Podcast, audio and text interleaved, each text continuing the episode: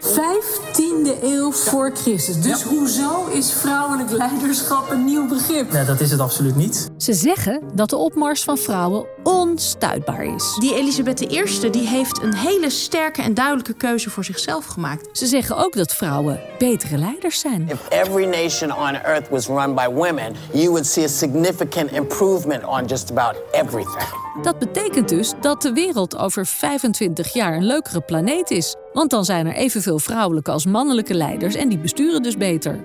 Klopt dat?